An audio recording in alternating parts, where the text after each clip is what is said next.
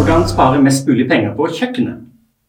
Hei, jeg er Gjerreknakken Rune fra gjerknatt.com, og i dag skal jeg snakke om hva du kan gjøre på kjøkkenet for å bruke litt mindre penger.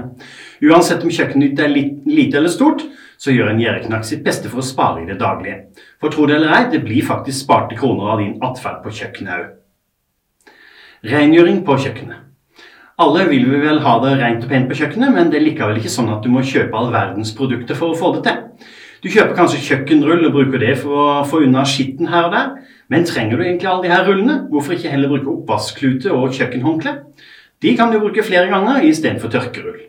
Jeg pleier å bytte kluter og håndkle med jevn mellomrom, men så sjelden som mulig. De fleste har vel stående litt såpe på kjøkkenbenken for å vaske hendene før matlaginga skal starte. i hvert fall håper jeg det. Du har kanskje sett det før hos meg, men jeg bruker gamle såpebeholdere og fyller dem opp med refillsåpe fra en stor kanne. Sånne kanner til under 150 kroner får du kjøpt hos Staples og en del Coop-butikker. Det utgjør en bra besparelse i det lange løp.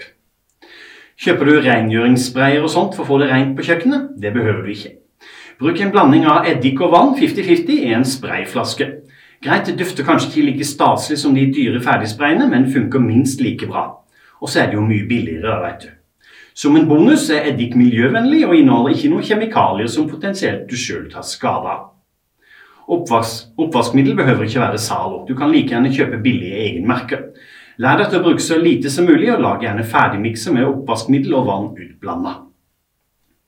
Visste du forresten at det ikke nødvendigvis er billigere å vaske opp for hånd? Dersom du har en relativt moderne oppvaskmaskin, sparer du både vann og strøm ved å fylle den helt, og ikke starte den før den er smekkfull. Vel, ikke overfull, da, sånn at ting ikke blir reine. I tillegg bør du lære deg til å være sparsommelig med maskinpulveret. F.eks. dele tabletter i to, eller ha i litt mindre hvis pulveret er løst. Dersom du må vaske opp for hånd, er det smart å la vannet stå i kummen etter at du er ferdig. Det varme vannet hjelper til med å varme opp kjøkkenet, så sparer du litt på strømmen der òg. Mange bruker forresten det gamle oppvaskvannet til å skylle plast før den havner i plastinnsamlinga. Det sparer vannforbruk. Må du gjøre rent i stekeovnen, behøver du ikke kjøpe dyre rengjøringsmidler. Har du forsøkt deg en gang med bakepulver og litt stålull, så vet du til neste gang at det funker uten dyre kjøpeprodukter. Det er smart å ha en god vannkoker. Fortsatt vet jeg om mange som ikke har vannkoker, men som heller bruker gryter til å koke opp vann til f.eks. te. Det er usmart og sløsete og tar dessuten lengre tid. Skal jeg lage meg en kanne te, så måler jeg nøyaktig opp mengden jeg trenger, og tømmer vannet fra termosen over i vannkokeren. Dermed koker jeg nøyaktig tilmålt mengde og sløser ikke. Fru Gjerknak trenger en kaffekopp om morgenen, og også da bruker jeg nøyaktig tilmålt mengde på kaffetrakteren. Det er ingen vits i å bruke mer enn nødvendig av kaffe, vann eller strøm.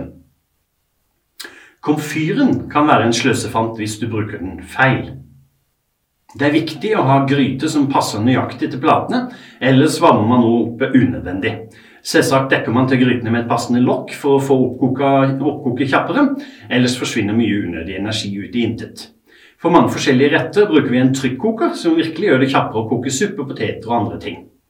Istedenfor å la potetene surre i ei gryte i 20-30 minutter, tar det bare 6-7 minutter å koke poteter i en trykkoker. Det sparer energi. Husk at de fleste komfyrer gir restvarme som kan utnyttes. Eggekoking er klassisk. Jeg legger egga i gryta når jeg starter, koker opp vannet og slår av plata. Du behøver ikke ha kokeplata stående på for å få egga sånn du ønsker dem. Restvarmen i stekeovnen utnytter jeg òg. Skal noe stå i ovnen i ca. 20 minutter, slår jeg av stekeovnen etter ca. 15. Når stekeovnen er ferdig, lar jeg ovnsdøra stå åpen, sånn at restvarmen varmer opp kjøkkenet eller stua. Smartest mulig matlaging. Det er mest lønnsomt å lage mest mulig av maten fra bunnen av, selv om jeg jo forstår at mange mennesker har dårlig med tid i dagens stressende samfunn. Men det er ikke så mye som skal til for å lage potetmos, suppe, koke ferske grønnsaker osv. Tenk over det neste gang du setter opp en ukesplan med middager, for det gjør du vel. Mange forteller meg at de er flinke til å unngå rester. De lager nøyaktig tilmålt mengde og får spist opp alt. Men jeg pleier å tenke litt lenger fram.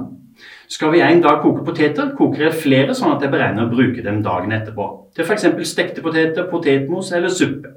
Sånn kan du gjøre med mange matvarer. Rester kan man også enkelt fryse ned, og på den måten ha til middager seinere.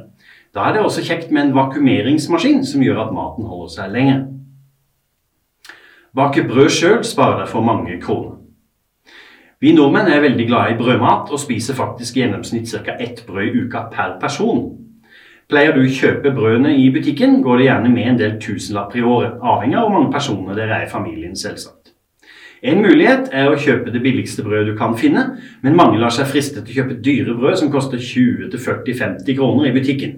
Da lønner det seg å bake sjøl.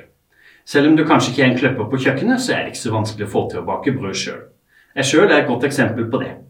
Kaker og sånt har jeg aldri fått til, og fint er det, for det er jo stort sett bare usunne greier som en egentlig ikke trenger likevel. Finn fram de gamle brødbakeformene og let opp passende oppskrifter på nettet. Det er flust av dem der ute. Riktig bruk av kjøleskap og fryser. Visste du at nordmenn fortsatt kaster i snitt ca. 46 kg mat hvert eneste år? Mye av grunnen til det er at vi er for dårlige til å planlegge og rett og slett vite hva som befinner seg i kjøleskap, spiskammers og fryser. Første bud er derfor å ha et ryddig system som gjør at du veit hva du har på lur. Ha riktig temperatur i kjøleskap og fryser. Fryseren har det helt greit med minus 18 grader. I kjøleskapet vil temperaturen variere, og ofte har folk feil temperatur. Legg inn et termometer og mål hvor kaldt det er de forskjellige stedene i kjøleskapet. Med riktig temperatur holder varen seg lenger, og du må kaste mindre. Kjøleskap er jo forskjellig, så det kan være smart å sjekke med bruksanvisningen for å finne ut hvor det anbefales at du plasserer de forskjellige matvarene. Husk selvsagt at åpen kjøleskapdør er fy-fy for en som skal spare energi og ta lengre vare på matvarene. Planlegg på forhånd hva du skal ta ut, og siden du alltid har samme plassering på de forskjellige matvarene, vel, er det enkelt og kjapt å gripe fatt i det du skal ha, og deretter lukke døra. Dersom du har mange ting i kjøleskap og fryser, kan det være smart å lage en liste som det henger på døra, hvor du noterer utløpsdato på varene. Er kjøleskapet ditt overfylt, jobber dessuten eh, kjøleskapet ditt ekstra for å holde ting kaldt. Derfor er det viktig å finne ut om varene du har, egentlig trenger å stå i kjøleskapet. Tomater, avokado, frukt, egg og sånt behøver ikke nødvendigvis være i kjøleskapet. Husk på å avrime fryseren jevnlig, sånn at det ikke legger seg is her og der. Og selvsagt bør du rengjøre kjøleskapet med jevne mellomrom, ikke bare når noe renner ut eller er tilgrisa. Takk for meg. Dersom du likte dette innlegget, håper jeg du har lyst til å ta en titt på nettsida mi, jerknett.com, og ellers følg meg på sosiale medier som YouTube, Facebook, Snapchat og Instagram.